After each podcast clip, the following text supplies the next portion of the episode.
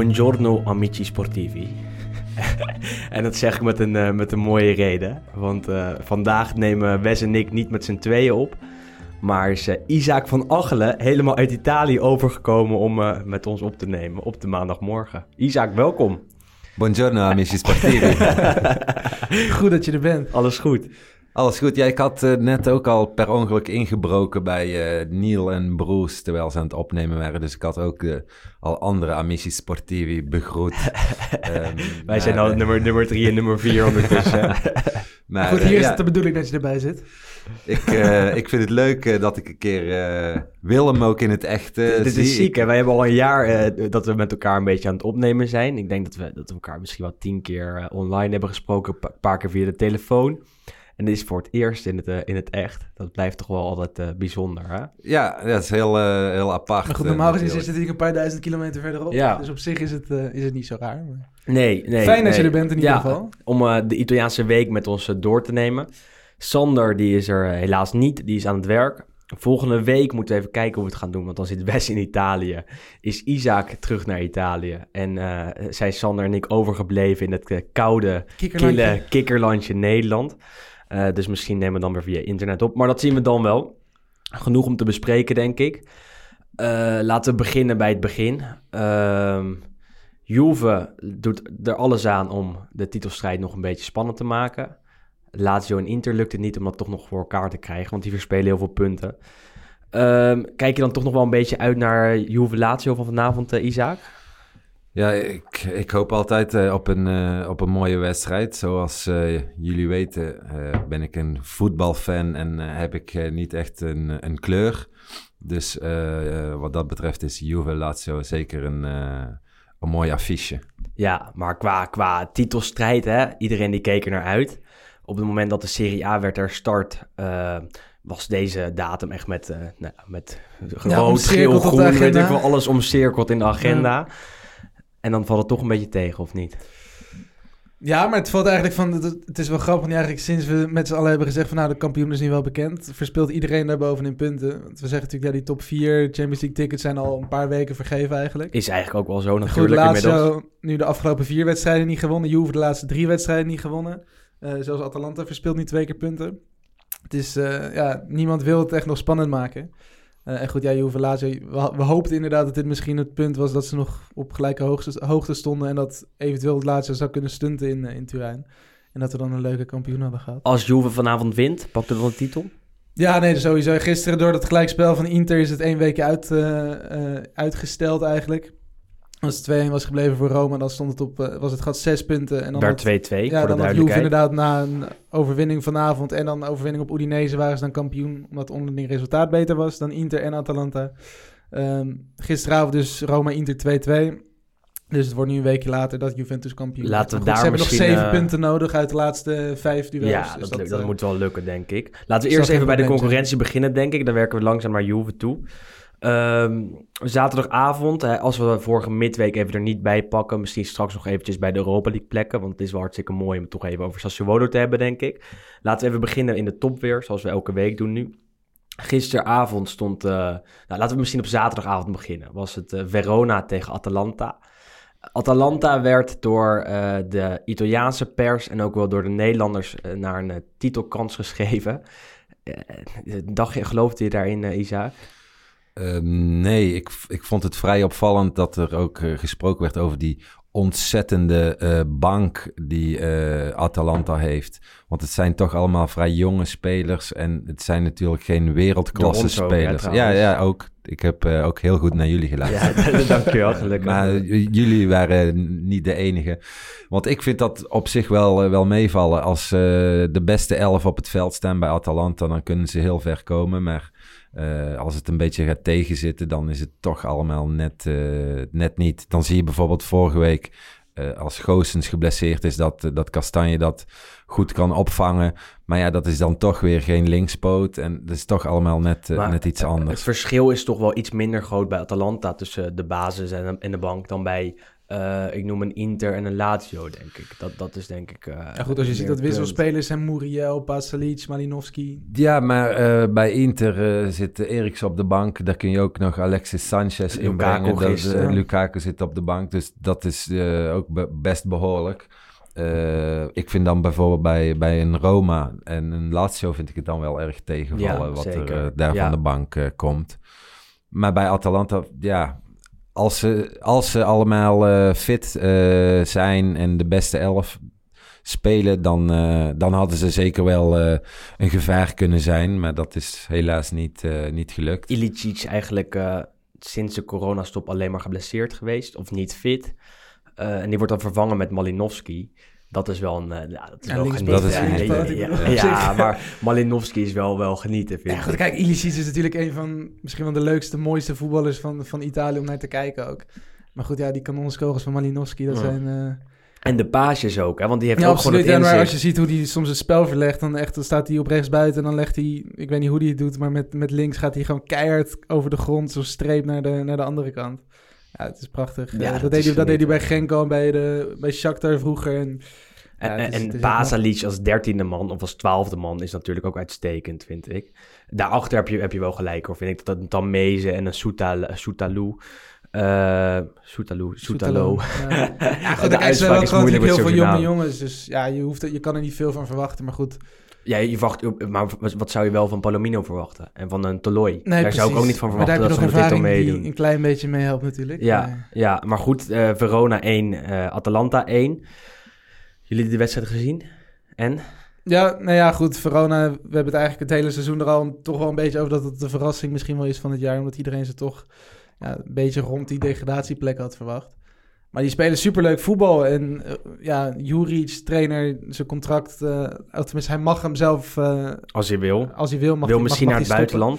buitenland. Ehm, Verona heeft zelf nog wel een optie voor een extra jaar. Maar goed, dat moet natuurlijk ook allemaal in overeenkomst met Ja, als je iemand zelf. voor de groep hebt staan die niet wil, dan... En goed, maar het voetbal ziet er eigenlijk gewoon het hele seizoen leuk uit. Speciale aandacht een klein beetje op, eh op Soufiane Amrabat. Ah, meer dan een klein beetje. Speelde, speelde niet een hele gelukkige wedstrijd, denk ik. Geschorst, gele kaart, was een beetje onhandig. Maar Tegen zijn, la- tegen zijn landgenoot. eh, tegen die- zijn landgenoot Hatenboer. Maar goed, ja, het is, eh, natuurlijk. Ja, goed, Verona, het, het- ja, niet meer verrassend eigenlijk dat ze nu ook gewoon punten pakken tegen de nou, Maar topteams. als we buiten, Atalant, eh, bu- buiten Amrabat kijken, lopen daar wel hartstikke veel mooie spelers rond uiteindelijk ook. Hè? Ja, en allemaal verrassingen. Ik ben ook benieuwd eh, waar ik eh, eh, Verona eh, neer heb gezet in het begin van het seizoen. Want volgens mij staan die ook ergens Ik, denk, onderin. ik, ga, ik ga aan het eind van het seizoen ga ik alles er weer even bij Bij pakken. mij staan ze op plek 20, kan ik je zeggen hoor. Volgens mij had ik zo Bij weer Sander 18 ook. of 19. Volgens mij begonnen we het seizoen met Van Verona heeft de allerslechtste selectie van Ja, de hele Serie A. Er loopt helemaal niks rond. En het- volgens mij hebben we toen zelfs nog wat namen genoemd. En misschien zat Kumbula of Rachmani zat er nog tussen. Nee, weet dat je zal, wel. dat zal niet. eh. Volgens mij was het vooral haat op Borini. En Ja, dat, is waar. Nee, maar als je dan verder kijkt, hebben ze ook nog... eh, kijk, zo'n eh, Lazovic doet hartstikke goed. Pessina wordt gehuurd van Atalanta. Hele speler, kan een stap gaan maken naar Milan misschien. Nou, die hebben daar zo goed gescout. En dan mag het eigenlijk niet eens meer een verrassing zijn dat Atalanta daar punten verspeelt. Eh Juve heeft daar verloren, Inter heeft daar punten verspeeld. Eh, dus het is gewoon hartstikke lastig om tegen Verona te spelen. En dat zag je ook eh, in dit duel, waar een, Verona een soort handbalopstelling hanteerde. Gewoon voor de 16 ging staan. En Atalanta er niet langs kwam. Of, of zelfs Atalanta niet, moet je dan zeggen. Want die komen langs iedereen, die scoren Ja. tegen iedereen. Eh, alleen tegen Verona lukt het maar niet. Nou, het is ook heel leuk. Ik heb hier even de selectie erbij. Maar het zijn ook gewoon allemaal hele jonge jongens. Ze hebben alleen met uh, Veloso dan een 34-jarige. Ja, praktisch iedereen is onder de 30 daar. Met heel veel jonge jongens. Uh, Salcedo stond in de spits nu, die is 18. Gehuurd van Inter. Dus ja, dat zegt, wel, dat zegt ook wel genoeg over, de, over ja, de toekomst die ze misschien nog voor zich hebben. Zou Pazzini er nog een toekomst hebben? Ja, goed, Pazzini is, is 35. We hebben nog wel 13 wedstrijdjes gespeeld, geloof ik. Nog een paar goals meegepakt. Hij dus- kan naar Monza schijnt, naar het project van eh, Berlusconi en Galliani. We moeten nog een keer een speciale Serie zou B nog eh, maken, want daar is ook veel aan. Zeker, ja. En daar is ook veel vraag naar Jeremy. Menez, Wassim Boei zag ik voorbij komen. Gaat misschien naar Regina. Mooi, mooi. Ja, maar die, Ehm, die speelt nu toch bij Leeds United en die gaan ook weer... eh, Die gaan ook naar de Premier Ja. League. Dus ja, we zullen wel zien wat het, eh, wat het wordt. Serie B. Nog, nog net niet de krochten van, eh, van het Italiaanse voetbal. Wordt namelijk misschien soms wel mooier gevoetbald dan eh, in de onderste regionen van de Serie A. Als we dan toch even bovenin blijven, was het gisteravond eh, tijd voor eh, Roma tegen Inter. Ehm, Je gaat gewoon gelijk langs Milan, omdat zonder... nee, nee, Milan, Milan, Milan doen we denk ik even zo meteen bij het Europa League kopje. Want dat is inmiddels zo Milan een beetje thuis hoort.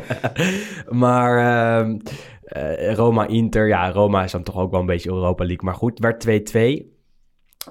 Wat voor een effect heeft zo'n beslissing van de scheidsrechter dan op eh, het wedstrijdverloop, denk je, Isaac? Ja, een heel groot. Eh, het was niet voor niks ook dat Conte natuurlijk helemaal eh, gek werd eh naar de rand. Maar eh, Misschien even wat, ja, wat er gebeurde. eh, was de 46e minuut. Eh, komt de bal in de voeten van Lautaro Martinez, de interspits. Die wordt van achter aangetikt door Kolarov. Zowel aange- met de, ja, aangetikt of er tegenaan En Ja, een ook toontje. nog een Ja, beetje, ja, goed, precies. Hij ging op de grond. was, la- laten we het over eens zijn dat het een overtreding is. Hè? Ja. Ja, Licht, overtredingje. licht, ook, maar licht, goed, licht. ja, maar wel het overtreding is 100% een overtredingje dan. Ja. En ehm, nou, het spel gaat door. Inter staat slecht en, en eh, krijgt dan een doelpunt tegen. Actietje van Spinazzola, de linksback van, eh, van Roma. Of linkshalf tegenwoordig. Eh, en de Vrij werkte met eigen doel in. 1-1. Vervolgens eh, gaat de scheidsrechter die Bello eh, naar zijn oortje luisteren. Die wordt naar, de, naar het beeldscherm geroepen naast het veld. Nou, en die gaat er naartoe en die gaat kijken wat er dan gebeurt bij Kolarov en, eh, en Martinez. En toen dacht iedereen dat hij afgekeurd zou Ja, worden. natuurlijk. ja, ja, ja, Iedereen zat er echt te kijken, wat gebeurt er nou? Ja, ja. En dan, ja, ik keert hem goed. Ja, maar ja, de- en dat was dus één minuut voor rust. Stand op dat moment was dus eerst 1 over Inter, werd 1-1. Ehm, en dan ga je toch de rust in met een apart gevoel, of niet? Ja, dan, eh, dan ga je in de rust in met een apart gevoel. Maar ik wilde nog wel even zeggen... ehm, Lautaro Martinez heeft natuurlijk wel een beetje de schijn tegen. Mhm, Want die mhm. heeft al zo vaak eh, liggen Zeker, ja. Dat het nu misschien op dit moment zoiets was van... Nou ja, misschien was het, maar misschien ook niet. En laten we hem dan toch maar eh, goedkeuren. Maar het is niet prima een prima moment om de rust eh, in te gaan. Ik denk ook dat... eh Conte alles daar kort en klein heeft eh, geslagen. Ja. Eh, Die, Op dat die, die moment. zeurt sowieso veel op de scheidsrechter. En die, die hoor je roepen. Was al een keer eerder een beetje tegengehouden door de vierde man. En eh, dat gebeurt nu elke wedstrijd. En dat zie je ook gebeuren, omdat je al, hè, altijd een stadiongeluid gewoon aan hebt staan. Eh, daarna worden nog 2-1 voor Roma. Doelpunt Mkhitaryan. Of Mkhitaryan. En, eh, of zijn Armeens. En eh, in de, eh, nou, in de, De laatste laatste, minuten. minuten. denkt Spinazzola back, eh, eh, Sp- Roma back Spinazzola denkt nog eventjes te gaan dribbelen in de eigen 16. Dit heeft volgens mij echt iedere amateurvoetballer wel een keer gehad. Gewoon de bal weg willen schieten, alleen dan Zeker, per ongeluk ja. raken met je standbeen. 100 procent. En dan gewoon volledig langs die bal. Maar niet door het midden. ja, ook nog eens. Ja. En hij dribbelde, hij dribbelde, hij trapt die bal gewoon halfweg. Trapt hem uiteindelijk tegen Mozes aan. Pingel Inter 2-2. Ehm, heeft het dan ook met vermoeidheid te maken, zo'n eh, zo'n actie van Spinazzola? Of is het echt puur onkunde? Beetje allebei, denk ik. Je zit natuurlijk wel in de 88, wat is het, 86ste, 87ste minuut, geloof ik. Dus er zal ook echt wel een beetje vermoeidheid meespelen. Maar dit is gewoon amateurisme, toch? Het Ja, nou ja, het is is gewoon... gewoon echt. Maar is het ook- hoogste. Ook Ja. een beetje Italiaans oneigen natuurlijk. eh, Zeker, want, eh, ja. In Italië is het geen schande om de bal het stadion uit te schieten. Over de zijlijn gewoon, ja. klaar. Maar ja, het was, het was de aanleiding voor de penalty. Werd 2-2. Nou, hetzelfde wat voor Atalanta gold, eh, was hetzelfde voor Inter. Ehm, ja, misschien kunnen ze nog wel om de titel meedoen. Die eh, droom is nu wel aan duigen gevallen, hè, definitief. Ja, helaas wel. Nou goed, het is nu vijf punten. Als, als Juve vanavond wint acht. Met nog, wat is het, vier te gaan. Dus Ja. dan is het wel klaar. Maar Heb- goed, hebben jullie er ook maar een seconde in geloofd de afgelopen week? In, in een spannende titelstrijd, de afgelopen, of tenminste de laatste speelrondes? Ook Ja, maar, ook maar een seconde. Het blijven toch steeds verrassende uitslagen eh, uiteindelijk. Dus eh, ja, ik ging er wel een beetje in geloven dat het misschien mogelijk was dat het Juve niet zou worden. Maar dat eh, mag helaas niet zo zijn. eh, nou goed, ja, het begin van het seizoen wel... nee, maar goed, kijk, ik zou het... Tuurlijk, ik wil wel dat Juventus kampioen wordt. Maar voor de competitie is het natuurlijk wel mooi als het ook een keer weer iemand anders wordt. Ehm, en voor Juve zelf, denk ik, heb ik ook al vaak genoeg hier gezegd... Van dat er ook wel een, een soort revolutie doorselect... Ja, ze moeten daar ook wel echt doorselecteren. Maar goed, ja, ik heb er wel heel, even, heel eventjes heb ik... eh, ja, gewoon eventjes even nagedacht. Wat zou er gebeuren als Inter wint van Roma? En maar goed, op eh, een gegeven Lazio moment kan stond- stunt in Turijn. Goed, op een gegeven moment stond Atalanta stond natuurlijk met 0-1 voor in Verona. Gisteravond stond Inter met 0-1 voor Mhm. in, eh, in Rome. En ik van ja, als die allebei hadden gewonnen. En Juve verliest van Lazio. Ik Dan, is dan dan is het gat drie punten. En best Juve is best van het bottelen natuurlijk de laatste tijd. Ook in, in, in, die grotere wedstrijden. Juriaan die appte me en die zei dat, dat ik er alleen maar niet in geloofde omdat het Inter was, uit bijgeloof, zeg maar. En toen ging ik even nadenken en dat, toen dacht ik, nou, dat, dat is gewoon niet zo. Ik geloof er gewoon echt niet in. Nee, goed, Ik- ja. het, is, het, het zit er gewoon niet in. Kijk, hoe Je slecht voelt, Juve ook, ook je is. voelt ook gewoon Maar- van ja, het gaat, niet, het Eh, gaat weer niet Zo is het, maar, maar eh, Inter is net zo slecht of- als Juve na de eh, hervatting. Lazio is nog slechter dan die twee. En Atalanta die heeft gewoon in de, in de heenronde al te veel punten laten liggen eh, om, het, eh, om het toch nog te kun- kunnen bewerkstelligen. En, en dat zegt Gasperini ook, de Atalanta-trainer, dat, ehm, dat hij er niet in heeft geloofd, aangezien ze al zoveel hebben laten liggen. En dat het eigenlijk geen schande is dat je gelijk speelt bij Verona. Hetzelfde geldt voor Inter. Het is geen schande als je gelijk speelt tegen Roma in Rome. Maar het is wel een schande als je tegen tien man van Bologna de gelijkmaker tegen krijgt en dan eh, vervolgens verliest. Het is wel een schande als je eh, 3-2 voorkomt tegen Sassuolo en dan nog 3-3 speelt. Eh, hetzelfde geldt voor, voor als je voor staat bij Verona en dan uiteindelijk toch nog gelijk speelt. Dus er zijn superveel momenten geweest waar ze het wel hebben laten liggen. Ehm, en dat is niet afgelopen weekend geweest, denk ik. En dan kan het Juve zelfs, eh, kan, ja, kan dit Juve, het, het slechtste Juve van de afgelopen tien jaar, mag ik dat zeggen? Sinds, sinds dat ze kampioen zijn geworden met Conte, 2012 Zou je misschien kunnen zeggen. Ja, ongeveer. maar goed, qua spelers natuurlijk niet. Maar qua Nee, maar spel qua en spel, qua ja. overtuiging en qua, als je het vergelijkt zeg maar, met de rest van, het, van de competitie, is het gat nu wel wat kleiner dan de afgelopen jaren in ieder Ja. geval. En dat komt door Juve. Ja, ja, ja. Eh, eh, ook wel misschien door Inter en Lazio. ja, en en dan vind ik, toch, vind ik het toch jammer dat dat bij Sarri gebeurt. Ik heb wel een beetje een zwak voor Sarri, moet ik zeggen. Ik kan me nog goed herinneren dat ik eh, bij een ehm, Champions League wedstrijd van Napoli tegen, moet ik het goed zeggen, tegen Club Brugge was. En eh, toen zat eh, Sarri op de schopstoel. Want eh, het was september en de eerste wedstrijden was het allemaal slecht gegaan. Maradona ook met kritiek, volgens Ja, mij. iedereen met kritiek. En toen kwam die wedstrijd tegen Brugge en ik zat daar bij die persconferentie en Sarri kreeg de wind van voren. Die wedstrijd wonnen ze, zeg ik uit mijn hoofd, met 4-0. En daarna is het gaan draaien. En heb dat altijd, eh, ja, be- toen ben ik het blijven volgen. En die journalisten bij eh, Napoli, die zeiden ook elke keer... Oh, jij was bij die wedstrijd, bij de omgekeerd. La, La Ja. Partita de la Rimonta. Dan mag je terugkomen natuurlijk. Ja, Dus ja, het is toch wel jammer dat het bij Sarri gebeurt. Het is toch een aparte man die helemaal is opgeklommen uit, het, eh, uit de krochten van het Italiaanse voetbal. maar zou je, de, zou je de schuld bij Sarri neerleggen dat ze het toch niet laten zien dit jaar? Eh, ze worden wel kampioen, maar niet zo overtuigend als de afgelopen jaren. Ik, ik denk dat het een beetje te maken heeft met het feit dat hij niet zo goed is met al die vedettes of zo. Daar is hij misschien toch niet Mhm. helemaal eh, aan gewend. Omdat het eigenlijk gewoon een hele normale man is. ja, super normaal. en niet, eh, ja, niet uit de voetbalwereld wat dat betreft komt. Uit het bankwezen volgens Ja, mij. ja. En, Ja, eh, het is niet echt zo'n typische people's manager die je misschien wel bij echt zo'n Nee. grote club zou moeten hebben. Maar goed, Maar- hij wordt natuurlijk ook niet geholpen door de, door de directie. Want hij, hij heeft natuurlijk ook heel veel spelers Exact, in zijn selectie die niet echt in het, ja, tussen Sarri-bal passen. Maar ze verwachten heel veel transfers bij Juve deze zomer. Eh, moeten eerst worden verkocht. En dan gaat er toch wel een kleine revolutie plaatsvinden. En dan zou Sarri dus de spelers krijgen die hij wil. En als je nu kijkt, moet hij af en toe met Danilo op linksback spelen. Staat hij met een middenveld met Matuidi en Rabiot. Eh, en in de aanval heeft hij twee man die het goed doen. Maar de derde is, is altijd een twijfelgeval. Dat Ja. is ofwel Bernardeschi of Higuain of, of Douglas Costa... die allemaal niet, niet constant kunnen presteren. Ja, en het middenveld is natuurlijk heel belangrijk voor zijn eh, systeem. Ja, Daarom was eh Jorginho, die hem ook volgde naar, naar Chelsea, dat was een onmisbare schakel voor hem. En zo'n speler mist hij Kan natuurlijk. hij, kan hij eh, Bentancur daar neerzetten op den duur? Ja, ik vind Bentancur toch meer een acht. Een beetje die pendel tussen verdediging en aanval. Arthur? Kan hij ook goed. En ik, ik denk dat Arthur gewoon een prima... Ik denk dat dat zeg maar zijn nieuwe Jorginho wordt als je het vergelijkt dan met zijn eh, Napoli en, en is Chelsea Arthur niet ook iets verder op het veld? Iets Ja, maar ik denk wel dat hij zeg maar, de techniek en de... eh, hij heeft wel zeg maar, de technische capaciteiten om, om, om die rol wel uit te voeren, denk ik, beter dan Bentancur. Ik vind Bentancur ook gewoon ja, met lengte... Kan hij natuurlijk altijd nog van pas komen. En je ziet nu ook hoe gigantisch veel kilometers die aflegt. Ehm, dus ik denk dat dat... Ik denk Bentancur zeg maar op 8, Arthur op 6. En dan inderdaad moest je eigenlijk ook nog iemand hebben daarnaast die ook nog een beetje Ja, creatief, maar daarom... ja, creativiteit zeg maar in het laatste gedeelte van het veld. Er zijn heel veel transfers nodig om het hè, te kunnen laten zien. Ja. Om het Sarri-bal in Turijn eh, te kunnen laten zien. En, en op dit moment lukt het gewoon echt niet. Eh nou, zijn we toch alweer lang bij de titelstrijd blijven hangen. Hè? 20 minuutjes ondertussen. Eh, het is wel allemaal beslist daar. Waar het ook wel inmiddels een beetje naar uitziet dat het wel klaar is, is eh, in de Europa League. Roma op 58 eh, op plek 5. Eh, Napoli en Milan allebei op 56 op plek 6 en 7. En Sassuolo komt daarachter met 48 punten. Dus dat gaatje is al wel aanzienlijk.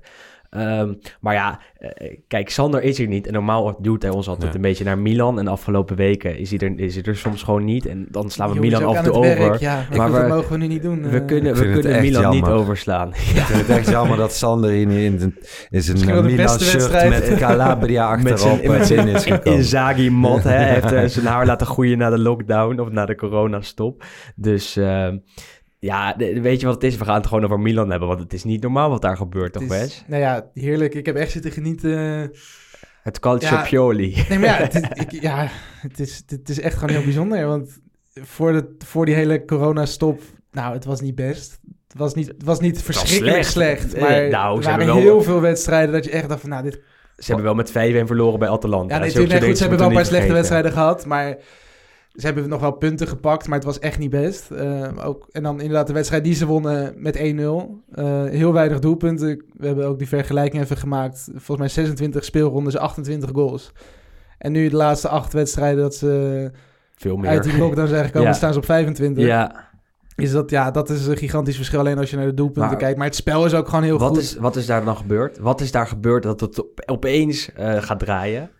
Wie of wie heeft daar iets gedaan? Is dat Pioli? Is dat iets anders? Is dat een, eh, Ja, een- ik de, duivel? Ik denk dat het toch Pioli is, want eh, alles valt opeens op zijn plaats. Dus dan heeft hij toch iets goed gedaan. Ja, zeker. goed, hij is natuurlijk... Gianpaolo is natuurlijk het seizoen begonnen. Dus Pioli heeft eigenlijk toen hij in, ja, instapte geen voorbereiding gehad. En niet echt de tijd gehad Dat om is iets waar. te kunnen implementeren. Toen tijdens de winterstop is het natuurlijk tekort om daar echt iets te doen. En hij heeft nu natuurlijk ja, praktisch drie maanden gehad.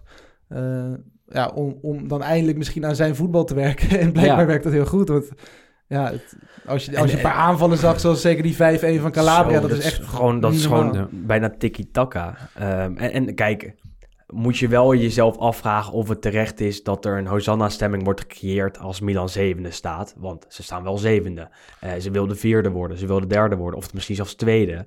Ze staan zevende, gaan zich kwalificeren voor de Europa League. Mag je dan wel zo positief over ze zijn? Als we dan toch even een beetje kritisch kijken.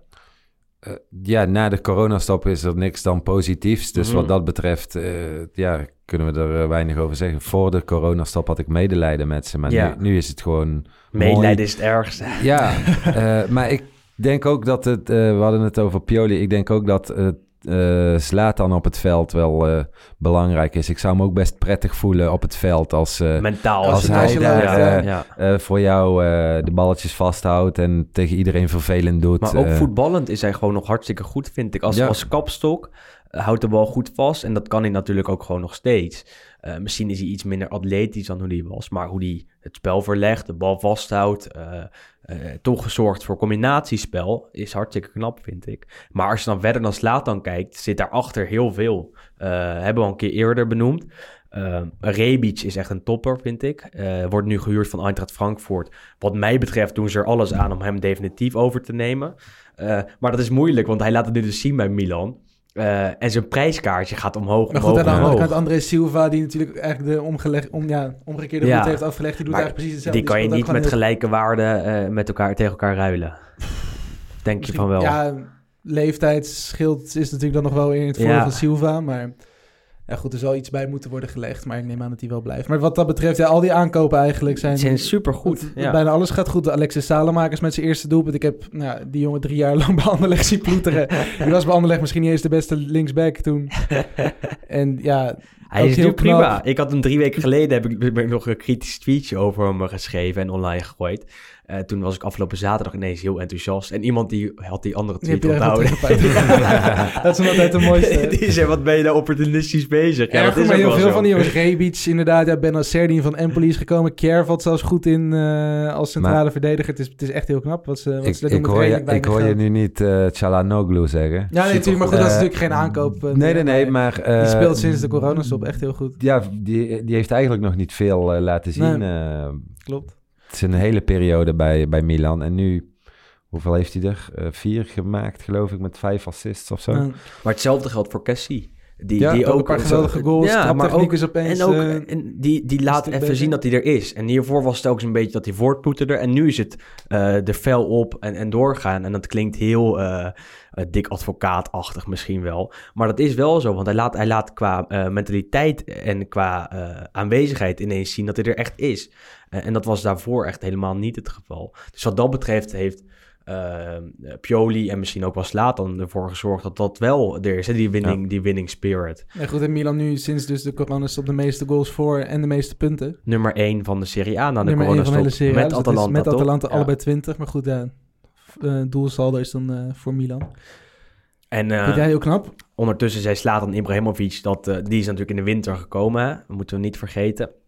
En die heeft toen gezegd: Weet je wat, als ik hier vanaf het begin van het seizoen was geweest, waren we kampioen geworden. Dat is toch, dat is toch niet zo? Ja, Dat is gewoon weer ik nog even doen. Ja, dat is het showtje, dat- maar dat ik echt nooit van- Ik wil het echt doen. Want het, eh, kijk, je gaat er bijna over nadenken als ze het zo goed doen. Hadden zij, wat, wat was hun max geweest als zij het hele seizoen zo hadden gepresteerd? Kijk, het is heel opportunistisch, ze hebben het niet gedaan. Maar stel ze hadden eh, een voorbereiding met Pioli gehad en hadden door kunnen groeien. Hadden ze dan derde kunnen worden? Vierde? Ja, Tweede? goed, dan hadden ze wel mee kunnen doen om die, om die Champions League plek. Dat, of tenminste, dat het gat iets minder groot was. Want het is nu natuurlijk wel, eh, wat, wat is het? Met, met Lazio is het nu 13 punten. ja, dit, Dat- het gaat dat- niet meer dat- gebeuren. Nee, goed, niet nee, meer nee, ook, nee, dit seizoen niet meer. Maar Nee. ik bedoel, ik denk dat dat gat wel sowieso kleiner was geweest. Dat zij daar ook wel tussen hadden kunnen staan. Want goed, ze, ja, Benacer trouwens ook hartstikke goed. We moeten, moet ook zeker worden genoemd. nou, Die is... eh, ja, die was het eerste, het eerste deel van het seizoen niet goed. En, en nu ook gewoon hartstikke aanwezig. En met een mooi doelpunt. Zijn eerste in het shirt van Milan. Eh, hebben we al een keer eerder gezegd. Er staat gewoon een geraamte om mee door te groeien. Om eh, volgend jaar misschien wel derde of vierde te worden. Kampioen zullen ze nog niet worden. Of ze zullen nog niet meegaan doen in de, in de strijd om de titel. Ik denk dat Inter en Juve wat dat betreft toch wel een stukje verder zijn. Eh Lazio weet ik niet. Ja, misschien Lazio niet, zie ik niet zo snel eh, weer om de bovenste toch? plaatsen Dat- mee Die gaan toch iemand kwijtraken. En, en dan is het moeilijk om het, eh, om het toch weer voor elkaar te krijgen. Neem niet weg dat het wel gewoon hartstikke knap is dat zij zich nu over de Champions League gaan kwalificeren. Maar wat moet er dan bij Milan gebeuren om, ehm, om toch weer een stap te zetten? Om, om to- wat is dan de stap? Pioli even aan laten, Nee, want, dat, blijven. dat gaat dus niet gebeuren waarschijnlijk. Ze hebben ehm, volgens de hele Italiaanse pers... en die zijn meestal wel goed in het ontrafelen van, van geheimen... Ja, Ralf Ranjik, de, de Leipzig-voorman, eh, gaat daar eh, technisch directeur en trainer worden. Ehm, is eigenlijk het slechtst bewaarde geheim in Milaan sinds dat Antonio Conte trainer van Inter werd. Eh, iedereen weet het al, echt, maar echt iedereen die het Italiaanse voetbal volgt. En nu weten al onze luisteraars het ook. Hoe kan het dat Pioli dan nu goed doet en dan toch de laan uit wordt gestuurd? En wat is dan, wat is dan het plan dat erachter zit? Ja, dat vraag ik me dus ook af. Want voor zover ik begreep heeft ook eh, Paolo Maldini nu wat, eh, wat probleempjes eh, met de club. Anderhalf En- en, jaar bijna. en dan hoop ik niet dat ze die kant van, van Roma opgaan. Waar je toch, hè, Totti gaat weg, de Rossi, wa- waar de ident- identiteit verloren gaat van zo'n club. die dan in handen wordt gegeven van iemand die daar veel minder om geeft. Amerikanen weer. Hè? Ja. Bij Roma is het ook het geval. Dus ja, ik, ik ben er niet zo'n eh, fan van eh, wat dat betreft, van, eh, van het idee van Ranjik. Maar ja, Pioli doet het nu goed. Maar dat vond ik vooraf gezien ook niet zo van, hè, oh, nu, nu Dus wordt het anders. Nee, goeie, nee. nee, dus daarom is het misschien ook opportunistisch om te denken dat hij eh ze volgend jaar wel naar een top 4 klassering kan leiden. Maar goed, ik zag gisteren Eh. alweer voor, voorzichtige geruchtjes dat Milan er misschien aan denkt om Rangnick alleen als technisch directeur aan te stellen. En dat ze Pioli in ieder geval nog laten zitten. Ja, maar je kan ook bijna niet anders. Ja, hoor. ja, Als hij het, zo goed dit- doet nu. Het is op dit moment gewoon ja, eigenlijk niet te doen om die man nu te ontslaan of iets anders. Ah, Ja, Je hebt geen boot om op te staan als je het doet. dat is natuurlijk een beetje... Kijk, goed, er werd gezegd van ja, eigenlijk vanaf het moment dat ze inderdaad toen ze zo ruim verloren van Atalanta... Toen was eigenlijk een beetje het, het, het- ja, hoe zeg je dat, het lot al bezegeld van vanaf toen zijn ze er ook mee bezig gegaan, hè? Om uh, En goed, op zich, op dat moment was dat ook heel logisch, want er leek ook nergens op. Maar als je ziet hoe, hoe ze zich nu inderdaad ja, hebben heropgericht, dan kun je het niet maken om die man te ontslaan. Zou jij Pioli aanhouden? Ik zou op dit moment zou ik hem gewoon lekker laten zitten. En dan Rangnick inderdaad ook meer voorlopig in ieder geval eventjes met die scouting... en misschien een beetje met de, met de rust binnen de club laten bemoeien. En jij? Zoals Wesley het zegt, zou ik het niet doen. Want eh, dan voel je toch als trainer, denk ik, die druk van Ranjik elke keer op je. Eh, dus dan zou ik, ik zou dan Ranjik niet laten komen, maar wel Pioli laten zitten. Ja. Ja. Eh, want ja, je kunt er niet omheen. Maar, maar wie, dan moet je ook weer een nieuwe technisch directeur hebben. Want eh, Boban is al weg. eh, Maldini gaat weg. Ehm, Massara zit er ook, dacht ik. Die, die, Ja. die zit ook een beetje op de schopstoel. Eh, dus dan moet je toch weer iemand aanstellen die daar het technische hart gaat leiden. Eh, en het is geen Ranjik, dus het moet het een Italiaan zijn die toch iets met Milan verbonden eh ja, die toch is. iets met Milan heeft, wie dat dan eh, zou moeten zijn. Shevchenko. Ja, zo- Misschien heeft Silvio Berlusconi nog, Galliani vrije, gegaan. vrije middag.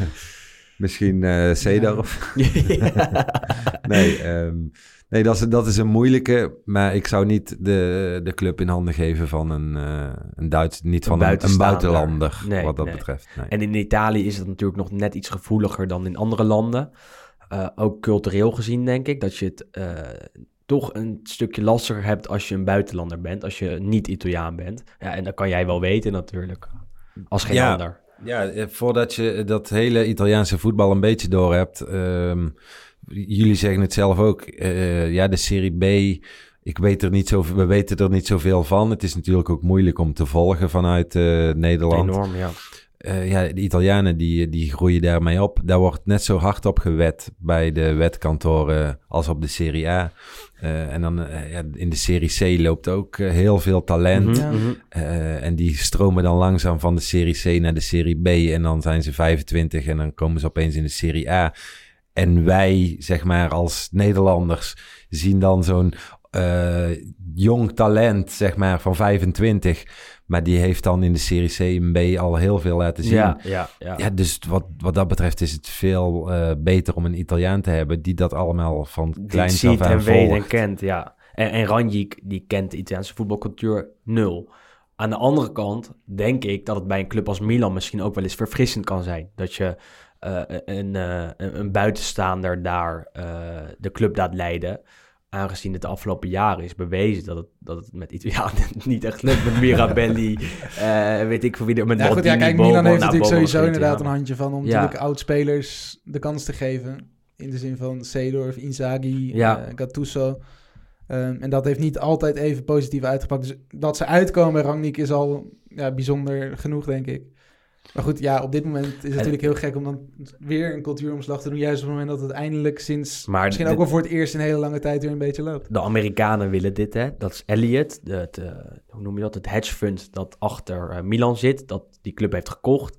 eh, wil dat er een revolutie plaatsvindt. Dat ze jonge spelers laten doorgroeien die ze dan voor een groter bedrag kunnen doorverkopen.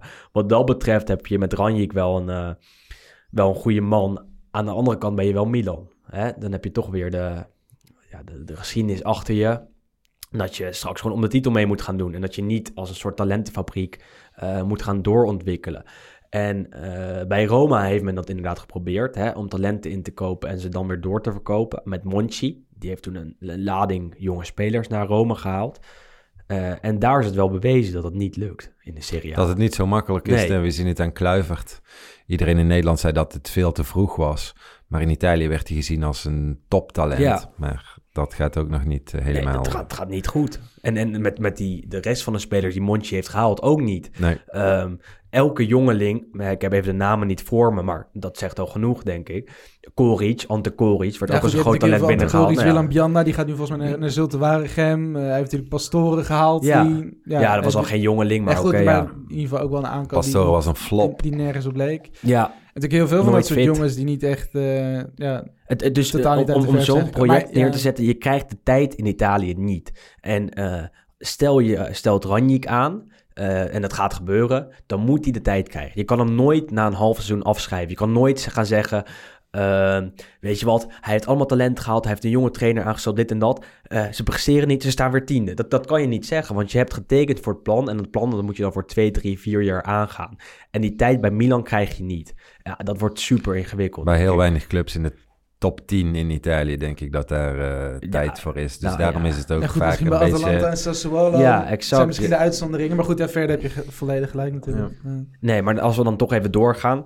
eh, project Milan gaat natuurlijk heel veel besproken worden de komende periode als Sander er weer gewoon bij is. Eh, en ook door ons als Sander er niet bij is. Eh, zeker iets om, om in de gaten te houden. Maar eh, waar men nu de vruchten al plukt van eh, beleid is eh, in Reggio Emilia. Ehm, ja, Sassuolo is wel ook echt genieten. Hè? Ehm, ja, het is, is misschien weer wat opportunistisch, maar... Hè, Zeker er- twee gelijke spelletjes er- misschien. Ja, goed. maar nu er, nu er zoveel voetbal is, en dan, dan zie je toch Sassuolo vaak verschijnen. Eh, ook omdat ze vorige week woensdag tegen Juventus speelden. Ehm, en en, en ja, die wedstrijd was echt genieten, toch? Ik Ja. bedoel, eh, dat, dat Ook- ook lukt bijna voor- niemand op die voor de subjectievelingen. Ja, niet- ja, absoluut. ja. Ehm, eh, ja, we- laten we gewoon even dat, dat even doornemen. Is het dan de Zerbi of is het eh, eh, het beleid dat achter Sassuolo zit... waarom het zo genieten is en waarom je zoveel spelers er ziet verschijnen die jong en goed zijn? Eh, Sassuolo heeft een prima beleid met heel veel jonge mensen daar eh, binnen, de, binnen de club. Eh, met meneer Mappij natuurlijk, die niet zelf heel erg veel betrokken is, maar wel heel veel eh, geld heeft. heel veel geld heeft. Eh, weinig toeschouwers, want het is natuurlijk ook maar een dorpje. En ze, het stadion waar ze spelen is natuurlijk ook eh, buiten, buiten Sassuolo. Ehm, maar die spelers, dat is natuurlijk gewoon genieten. En als je dan de, de Zerbi daarvoor zet, dan krijg je daar wel mooi voetbal Mhm. uit. Ik heb zelf bijvoorbeeld ook bij Fantacalcio Juricic. Ja, die doet het hartstikke goed. In toch? Nederland was dat genieten. Ja. en Ja. daarna zijn we hem een beetje uit het oog verloren natuurlijk. eh. Eh, eh, ja, de, eerst naar Benfica ging hij, geloof Mhm. ik. En toen, toen is hij weer teruggekomen in Italië. Ja, zo'n jongen, dat, ik vind dat heerlijk om daar, eh, om daar naar te kijken. En hij is, het is- ja, gaat weer goed over het veld heen. Ja. hè? En technisch. ehm, en is, is er enorm aanwezig. Eh, hoe komt het dan dat hij dan wel slaagt bij Sassuolo? Tenminste, slaagt hij? Ik zou zeggen van wel eerlijk gezegd. wel. Ja. Ja. Ja, ik denk dat het dus te maken heeft met het feit dat het zo'n klein, fam, echt een familieclubje is. Mhm. Want daar loop je dus gewoon het trainingsveld af. Eh, en daar zijn geen, niet zoveel hekken. En En het is allemaal... op de parkeerplaats. Ja, dus... eh, Maar het is wel modern, hè? Het is helemaal- het is vorig jaar is het een helemaal modern trainingscomplex. Ja. Ziet er heel En, en tof dan, eh, eh, ze hadden natuurlijk de, de, de Quincy jarenlang eh, als president van de club. Die is overleden afgelopen jaar. Eh, maar die, eh, die, die heeft wel een beleid neergezet. Hè, dat ze supersnel zijn gepromoveerd. Ze hadden telkens jonge trainers. Eh, ik noem een eh, Di Francesco, die daar eh, het hartstikke goed deed. Zelfs de Europa League met ze haalde. Ehm, nu ze, hebben ze met de Zerbi weer een jonge trainer de kans gegeven. Eh, is dat dan ehm, de enige club in Italië, misschien wel nog meer dan Atalanta, die dit durft? Die, die eh, telkens durft te investeren in jonge mensen, in jonge trainers, in jonge spelers. eh, en, en waar het kan? Ja, ik denk het wel. Maar je ziet ook gewoon, ze hebben daar, ja, wat, wat ik net zei, ze hebben daar ook wat meer geduld. Want bij de Zerbi is inderdaad wat we eigenlijk tot vorige maand zeiden, Mhm, was het resultaat mhm, ook niet mhm, altijd daar. Maar hij mocht altijd blijven zitten en eigenlijk gold precies hetzelfde voor die Francesco. Die ook een paar seizoenen, of tenminste niet altijd heel goed voetbal heeft laten zien. Of niet altijd op een hoge positie is geëindigd. Maar ze krijgen er wel inderdaad gewoon de tijd. En ja, het is gewoon heel mooi dat zo'n ploeg eigenlijk sinds de promotie in, wat was het, 2013 denk ik, 2014. Wel, eh, ze zitten er wel al dat een ze, hele dat, tijd. Ze, dat ze nog nooit ook maar in de buurt zijn gekomen van die degradatiezone eigenlijk. Ehm, Niet vergeten dat ze ook Beppe Jacchini als eh, trainer het, hebben ja, Dat was ik even het, is niet, al- het is niet allemaal best, maar het is natuurlijk wel opvallend dat je als promovendus eigenlijk gewoon in je eerste zeven Serie A-seizoenen ooit eigenlijk praktisch nooit in de problemen komt. Ik, ik- nog even over Jacchini, dus tussenstapje. Ik zag op Twitter gisteren dat hij werd vergeleken met Rutger Hauer. Lijkt hij wel op. Toen ging ze even naast elkaar leggen. Dat viel toch wel een beetje tegen. even een mooie foto's op ervan maken straks. maar uh, ja, goed, ja, eh, meestal is het wel hartstikke leuk. En zeker met zo'n Chicho Caputo, die natuurlijk eigenlijk ja, tot zijn 29ste, 30ste speelde hij in de Serie B. Heel veel gescoord daar. En bij Empoli, ja, vorig seizoen de kans gehad in de Serie A om te laten zien. Toen 16 goals, 15, 16 Mhm. goals. Overgenomen door Sassuolo, staat nu ook op 17 of 18. Ja, dat is, dat is ongelooflijk. Maar dat is ook een prima spits. Ja, natuurlijk. Eh, ja. dat is meer dan een bomber, want die is ook technisch hartstikke goed. Ehm, en die, die, die eh, plukt wel de vruchten van eh Jeremy Boga, van Juricic, van eh, Berardi. En ook van talenten die erachter zitten, zoals Raspadori, Muldur. Mul- Muldur. eh, nou, en, en Ja. nog meer middenvelders. Hamed Traoré. Haraslin schijnt een groot talent te zijn. Nou, dat is heel veel name dropping, maar dat zegt genoeg. En dan heb je ook nog Locatelli, die bij Milan Ja. uitstekend deed toen een winnende maakte, te- maakte tegen Juventus. Maar werd weggestuurd. Eh, ging naar eh, Sassuolo en daar laat hij het wel zien. En nu wordt hij weer gelinkt aan de halve Italiaanse top. hetzelfde geldt voor eh, Filippo Romagna, die bij Cagliari nou ja, een prima centrale verdediger was. Daar niet super goed deed. En nu bij, bij Sassuolo wel een basisplek heeft en, en daar vrij sterk is. Toch bijzonder om te zien. En, en ze hebben ook een, eh, een, mooi samenwerkingsverband met Juventus. Wat, wat Ja. ook wel een beetje heeft geholpen in het verleden. Hè? Want eh, volgens mij is, is Rogerio de, ja, de ze hebben natuurlijk een paar spelers die ze een soort van in synergia met Juventus hebben gekocht. Eh, Dus dat is inderdaad... eh, Sensi was dat ook. Die zit nu bij Sensi. Inter, maar werd ook met Juve eh, samengekocht. Ja, maar dit- op zich is dat gewoon ook een hele slimme manier van zaken doen. Van dat je toch spelers kunt halen die eigenlijk misschien net iets boven budget zijn. Zeker qua aankoopsom. En als je dan die inderdaad in samenwerking met een topclub kunt kopen. ehm, ja, ik denk dat dat een hele intelligente manier is van, eh, van zaken doen. Zouden jullie blijven als je de Zerbi was? De Zerbi? Zou je de- aan, aan- je aan dat project verbinden en, en zeggen, weet je wat, ik blijf er nog vijf jaar en misschien gaan we dan wel eh, meedoen om plek 6 in plaats van plek Nou, ik 8, zou- 9? ja, goed, op dit moment denk ik wel. Misschien wel meer dan bij Fiorentina, toch? Nou, Ja, ja, ja, bij Sassuolo heb je ook eh, weinig druk wat dat betreft. De midden, middenmoot is ook altijd prima. En dan een uitschietertje naar boven. Dan, eh, dan kun je wel oud worden daar. eh. Wat is zijn top als trainer? Kijk, weer opportunistisch, drie weken geleden hier nog afgekaakt, maar Ik, heb- werd ik, heb, ik had natuurlijk het interview met Christian Rutjens, die ook het, zijn debuut heeft gemaakt onder de Zerbi bij Benevento. En die had echt ook alleen maar lovende woorden over hem, ook qua training en Mhm. dergelijke. Dus eh, ja, ik, het is natuurlijk een beetje moeilijk om dat eh, van dichtbij eh, of van ver af in te Mhm. schatten. Maar ja, hij is natuurlijk als- nog hartstikke jong. Hij is Ja. 41. Ik Ja. bedoel, een van de, ja, de jongste trainers 20, van 30 jaar Italië natuurlijk. zich. Hij heeft inderdaad nog 20, 30 jaar. Ik zie hem echt wel op een gegeven moment ergens in de Italiaanse top werken. Ik weet niet of het dan Juventus is of, of een Inter. Of Nou ja, en, en hij, Maar goed, geval, hij wordt wel- ook genoemd in het buitenland, hè, want eh, drie uur college gegeven aan de trainers van Barcelona. Eh, hij wordt wel gezien, omdat Ja, hij tuurlijk. in een verdedigende iedereen- iedereen competitie, of, of tenminste Ja. in een competitie waar verdedigen werd gewaardeerd, tegenwoordig misschien wat minder, durfde aan te vallen. Eh, valt hij wel op met, met dat spel, dat ze tegen iedereen aanvallen. Tegen wie dan ook. Tegen Inter liet ze het zien, tegen eh Juve.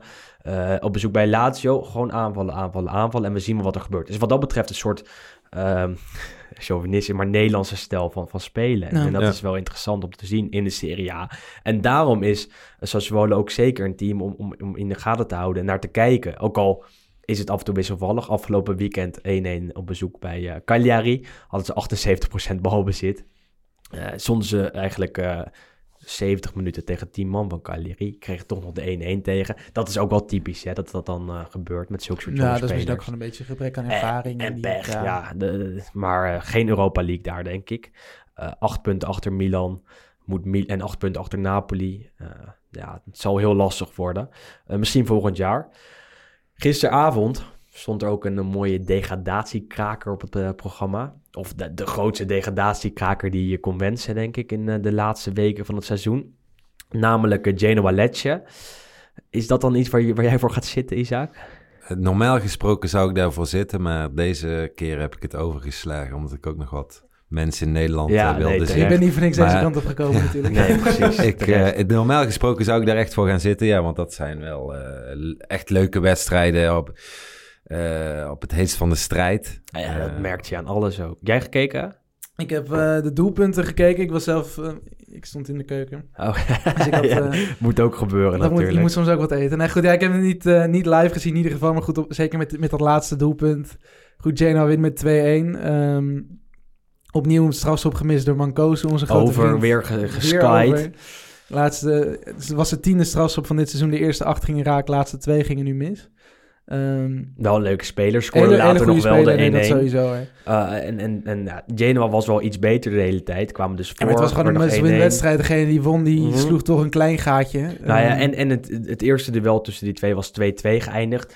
Dus eh, onderling resultaat. onderling Onderling resultaat. resultaat, ja. Genoa stond één punt voor als Lecce had gewonnen. Hè. Je, je, je manoeuvreert je in een hele goede positie als je eh, daar wint.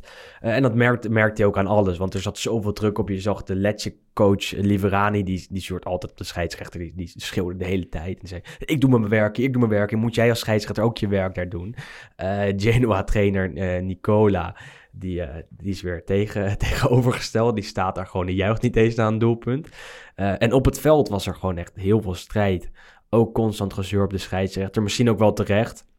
Zapata, de Genoa-verdediger. gezien. Ik heb, ja, ik ben ervoor gezet. Ik heb gezorgd dat we, dat we vroeg, eh, vroeg zijn gaan eten. Want ik wilde deze wedstrijd gewoon graag zien. Was eigenlijk wel de kraker van de avond. Nog meer dan Roma-Inter.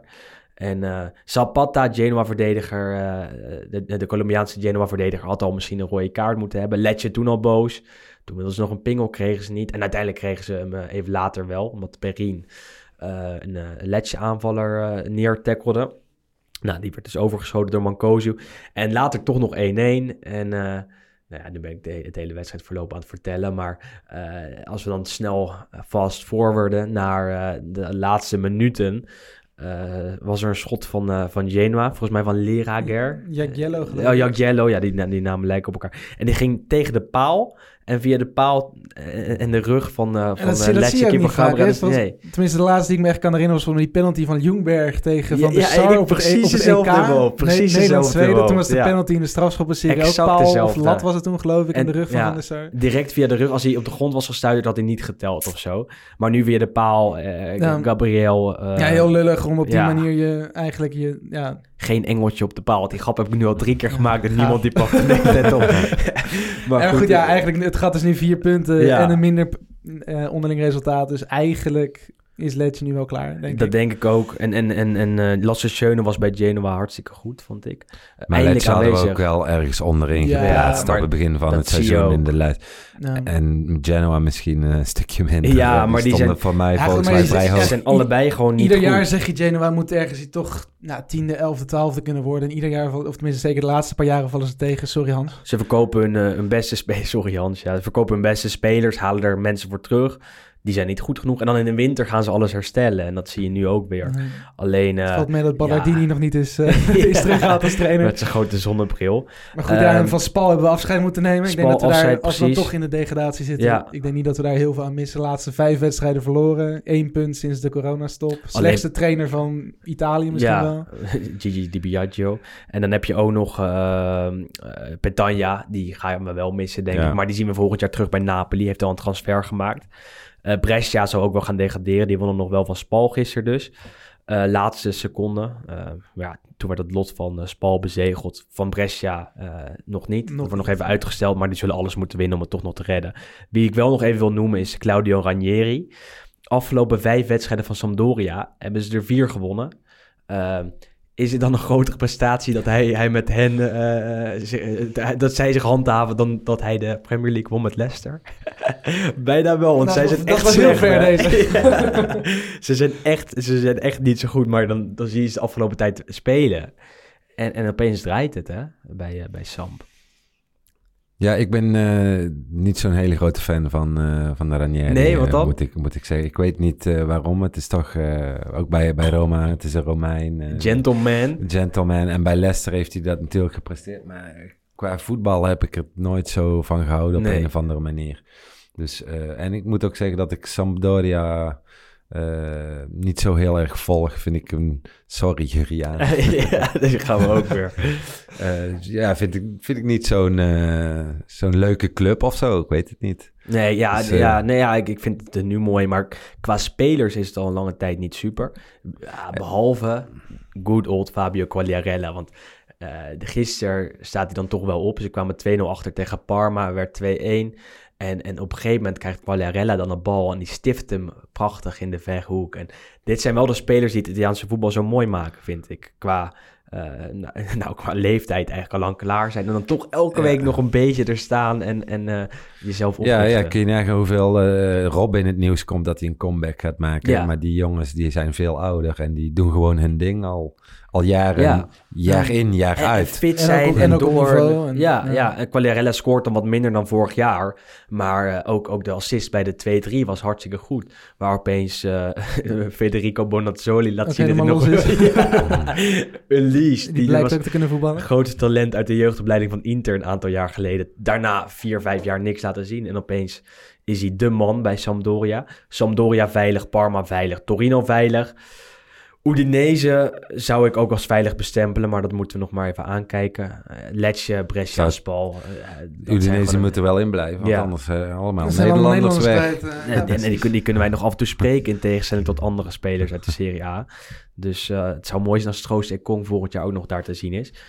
Eh, hebben we alles weer even doorgenomen, denk ik. Tenzij jullie nog puntjes hebben die we, die we moeten kijkersvragen, denk ik De dat we kijkersvragen, moeten ja. lu- we- luisteraarsvragen eigenlijk, Op hè.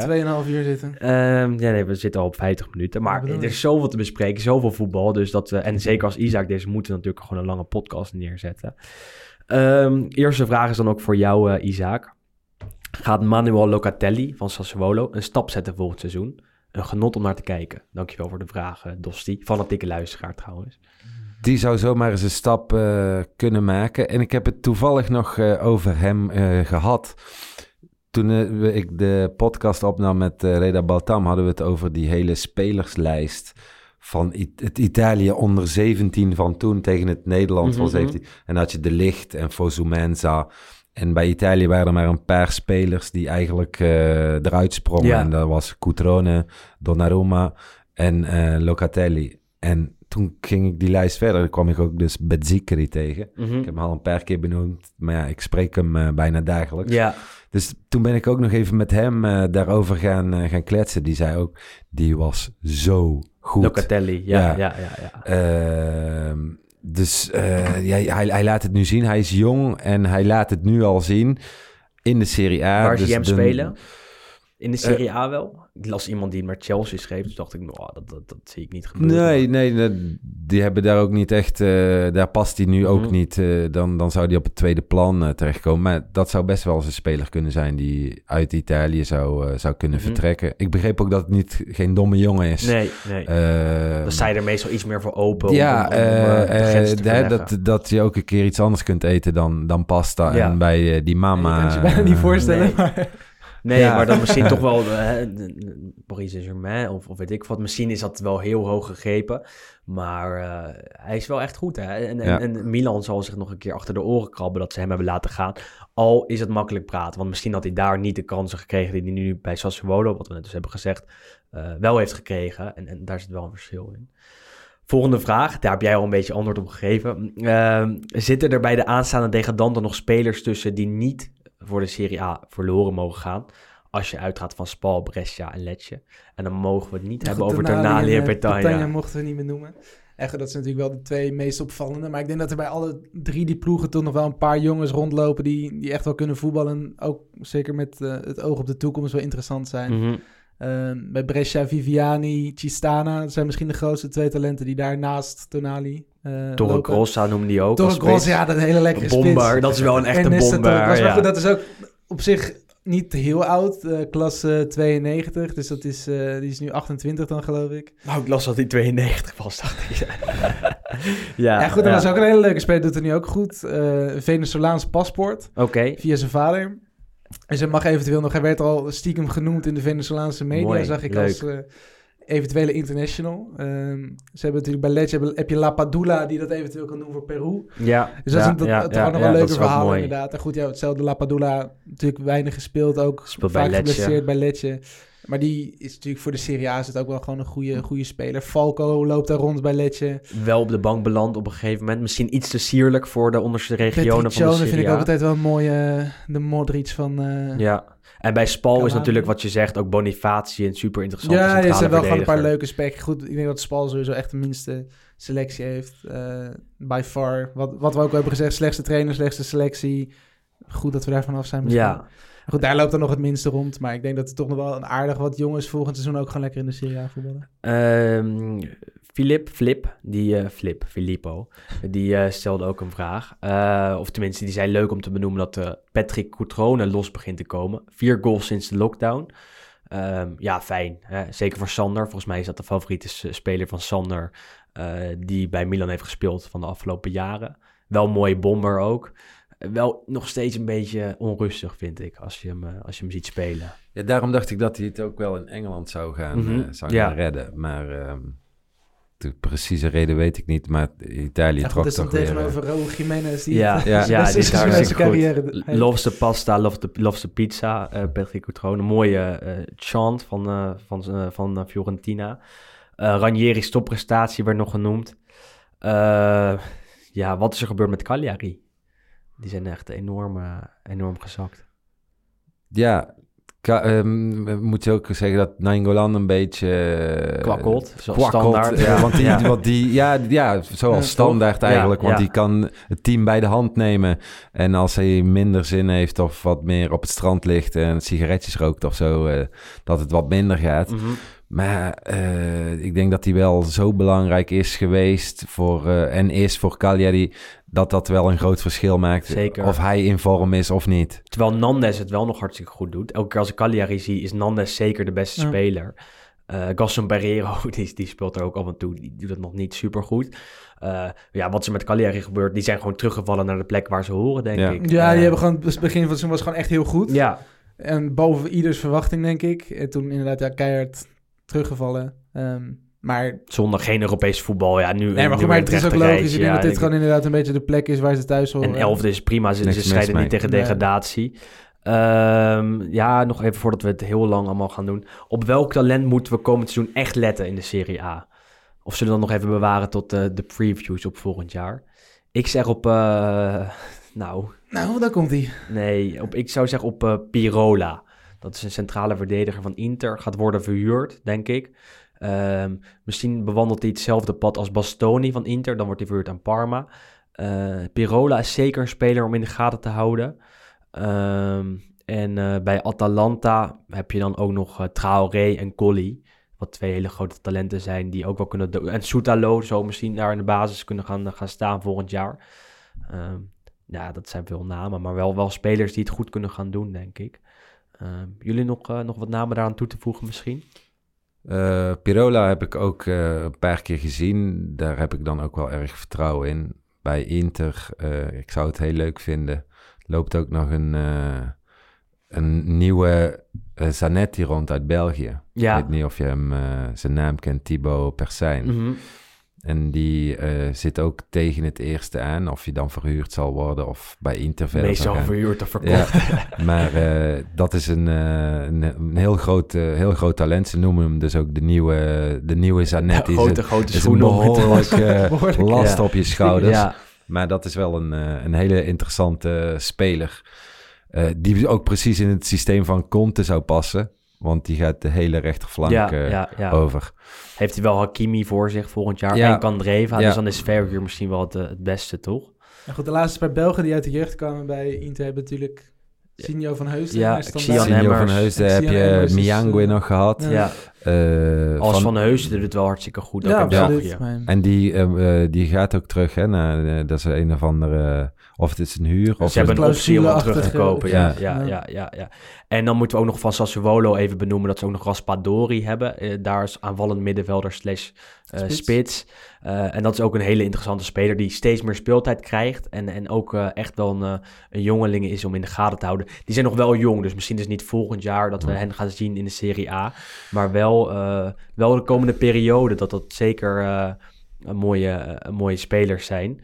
Ehm, ja, eh, waar, waar ligt het plafond van Javan Andersson? Die speelt vanavond waarschijnlijk Vanavond in de eerste basis. keer basis. Ja, toch? Ja, ik ben Ja. benieuwd. Ik heb een staat in de probability Toch? Staat in de Ja, ik heb basis, een paar keer gezien bij Cambuur, maar dat, dat was niet best. Bij, ja, en omdat iedereen bij Lazio geblesseerd is, krijg je de kans. Ja, het was toch wel opvallend überhaupt dat hij Ja, maar dan toen is opeens bij Lazio terecht kwam. Dan Eh. is- wat is het plafond nou in de basis starten bij Juve Lazio? ik denk dat dat Ja. toch best wel een topniveau is. Ja, ja. Niks ten nadele van Javan Nee, zeker. Dat is gewoon hartstikke knap. En, Maar en, hij mooi dat de eh, kans bij krijgt. Benieuwd. heel goed gedaan Ja. eh, Ja. toen. Hè? Goed, was en dat is ook zijn geluk geweest eh, uiteindelijk, want Bari ging eh failliet. Eh, die gingen terug naar de, naar de Serie D. En hij was er toch de En, opvallendste en- naam. en hij was daar een van de betere spelers. Zoals je weet, ik volg Bari eh, nog steeds. Mooie club. Dus eh, mijn schoonvader is ook fanatiek eh En supporter. Die staan dan weer voor, voor promotie ook. Hè? Ja, Ja. die gaat niet meer naar de Ja. series. Ja. Dus eh, ja, toen was hij gratis op te halen. Ja, ja, dus ja, eh, goed, ja, kijk, dat is toen had hij wel- ook echt grote clubs voor Ja. het uitkiezen, waaronder Lazio. En Ja. Ja, toen- goeie. En het is, het is gewoon hartstikke leuk. En goed, en dan kan je hetzelfde maar ook geld minuten af en toe. wordt hij hier gewoon volgend seizoen basisspeler op basis van die wedstrijd vanavond. Je weet Ja. het niet. Ja. Ik bedoel, Haat de Boer en al die jongens die vanuit andere Nederlanders in de Serie A verwacht je misschien ook niet direct dat hij het zo goed Of ergens doen. anders in de Serie A. Als hij zich vanavond laat zien, dan, dan val je wel op. Want het is natuurlijk een wedstrijd waar bijna iedereen naar gaat kijken. Komt ook Ehm, Cristiano Ronaldo regelmatig tegen eh, vanavond, denk ik. Ja, Dus zeker. het zou zeker. zomaar kunnen. Ja. Eh, laatste vraag, en dan zitten we al bijna aan het uur en dan komt de column van Juriaan er nog eh, overheen. Eh, hoe heeft de Tonali in zijn eerste Serie A-seizoen eh, gepresteerd, Wes? Eh, maakt hij de verwachtingen waar en wat is voor hem de beste vervolgstap? Ik denk dat hij goed heeft gepresteerd voor de club waar hij bij speelt. Want Brescia is natuurlijk toch wel redelijk Moeilijke club. tegengevallen, denk ik. Jij had zo'n plek ik af, had zo'n kan ik me plek nog herinneren.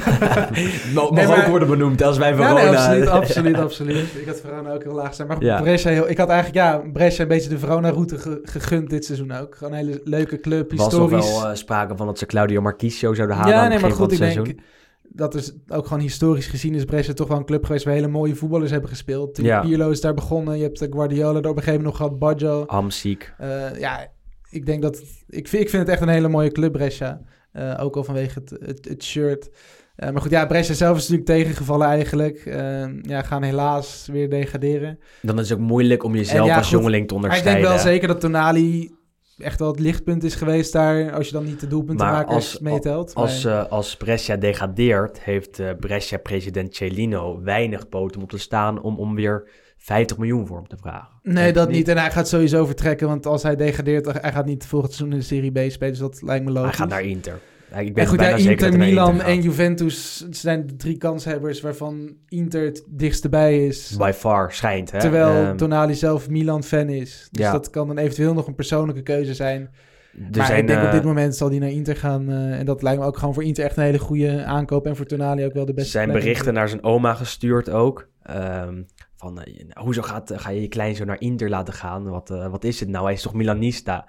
Toen zei de oma, "Eh, ik ga helemaal niks zeggen. Ik ben zelf Interista. dat zijn ook mooie verhalen die in de Italiaanse pers eh, terechtkomen. Ehm, maar ik, ik geloof wel dat die Tonali naar Inter gaat. Dat die transfer al bijna rond is. Ehm, want, want dat is al zo lang bezig, zo lang aan de gang. En, en ik denk dat Inter misschien een beetje wacht tot Brescia gedegradeerd is. Dat ze dan een makkelijkere onderhandelingspositie hebben ten opzichte van Celino, de Brescia-president, die nogal wat, eh, ja, een beetje gek in zijn hoofd is en veel geld voor hem vraagt. Ehm, Maar eh, wa- Ja. wa- wat denk jij dan? Eh, Is het dan echt ook afgelopen met Brescia? Die hebben natuurlijk behoorlijk veel eh, geïnvesteerd wel om een, een degelijk team te bouwen. maar wat- wat om in de Serie A te blijven. En nu gaan ze eruit. Ja, ja. Maar krijgen ze wel is- geld voor Tonali.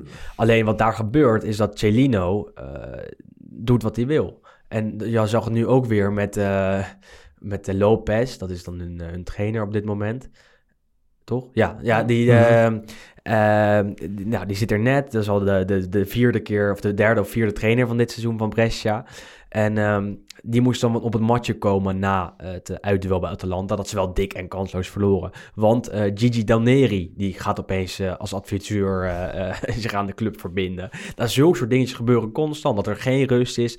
Dat goed, Balotelli de hele tent uit wordt Balotelli- gewerkt. Hele Ja. Dus er Balotelli is superveel onrust. Dus wat dat betreft is, is, het, is het wel klaar met Brescia. Maar ja, als je zoveel geld vangt voor Tonali, kan je dat wel weer investeren. En dan zal je in de Serie B ook gewoon weer om de bovenste plekken meedoen. Ja. Maar de Serie B, eh, die ken jij als geen ander, is, de, eh, is, is, Heel is het super onvoorspelbaar Iedereen wint van iedereen. Ik volg Ja, van inderdaad iedere week volg ik Venetië nog een beetje.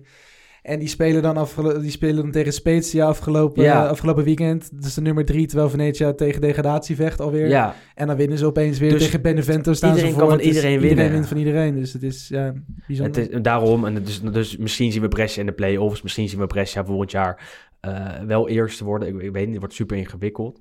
Ehm, ik ben sneller gaan praten, want we vechten een beetje tegen de tijd. Ik denk dat dit, eh, dit een mooie, mooie slot was. We houden hem hierbij. Ehm Isaac, dankjewel dat je, dat je er was. Leuk dat wij een keer eh, in het echte podcast met Ja. elkaar hebben kunnen opnemen. Eh Wes, eh, wij, zien je, wij zien jou ook een tijdje ja, niet nee, in, in, echt, in het echt, in de studio. Zoals ik al aan het begin zei, moeten we maar kijken hoe we het dan volgende, volgende week gaan doen.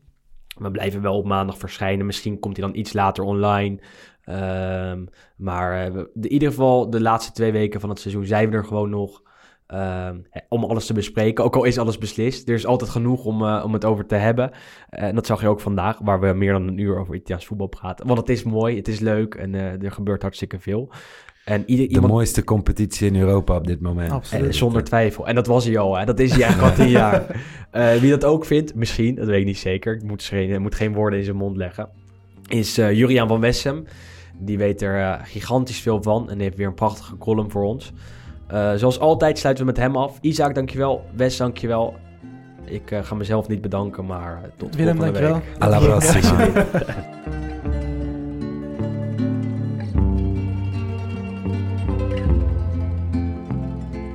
Udinese is een echte uithoek in het Italiaanse voetbal. Eigenlijk een soort Veendam. Udine is ook zo'n stad waar je nooit zo snel zou komen als er niet zou worden gevoetbald. Veel mensen zijn ook vertrokken uit de regio Friuli uit armoede. Van de Italianen die zich in Nederland hebben genesteld in de afgelopen twee eeuwen komen er opmerkelijk veel uit deze streek. Die mensen uit Friuli passen wel een beetje bij Nederland. Zwijgzame mensen, maar wel verstandig. We hoeven maar te denken aan Enzo Bearzot, Dino Zoff of Fabio Capello, echte Friulani. Maar in de zomer van 1983 was er sprake van een enorme opstand, omdat de Italiaanse regering dit naar hoofd had gehaald om de transfer van de Braziliaanse sterspeler Zico naar Udinese te blokkeren. Terwijl de hele wereld zich afvroeg hoe in hemelsnaam Zico op het idee was gekomen om te tekenen bij zo'n anonieme middenmotor als Udinese, ging het in Friuli toch vooral over de houding van de regering. Midden juli werd de knoop doorgehakt. De Italiaanse regering was bang voor kapitaalvlucht en had daarom het aankopen van buitenlandse sterspelers aan banden willen leggen.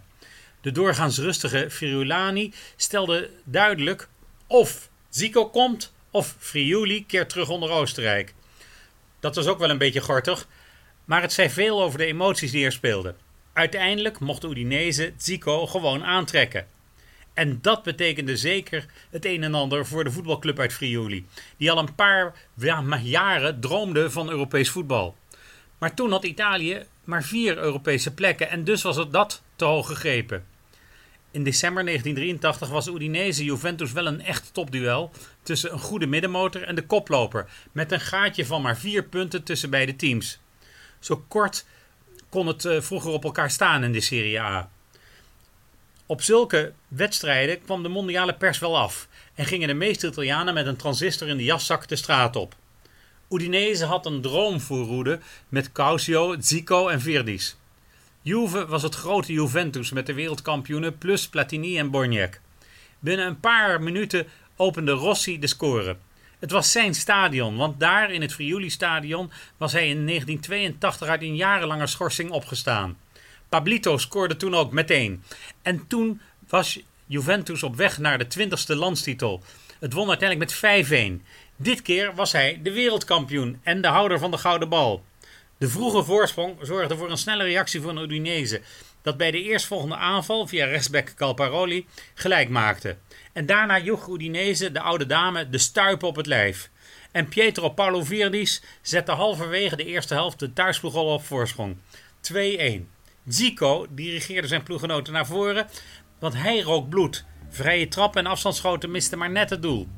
Maar na rust vocht Juve zich terug in de wedstrijd en uiteindelijk zou Platini met een knappe solo gelijk maken. Een week later zou hij tot Europees voetballer van het jaar worden gekroond. En dus de opvolger van Rossi worden. Udine beleefde werkelijk een prachtige dag van topvoetbal.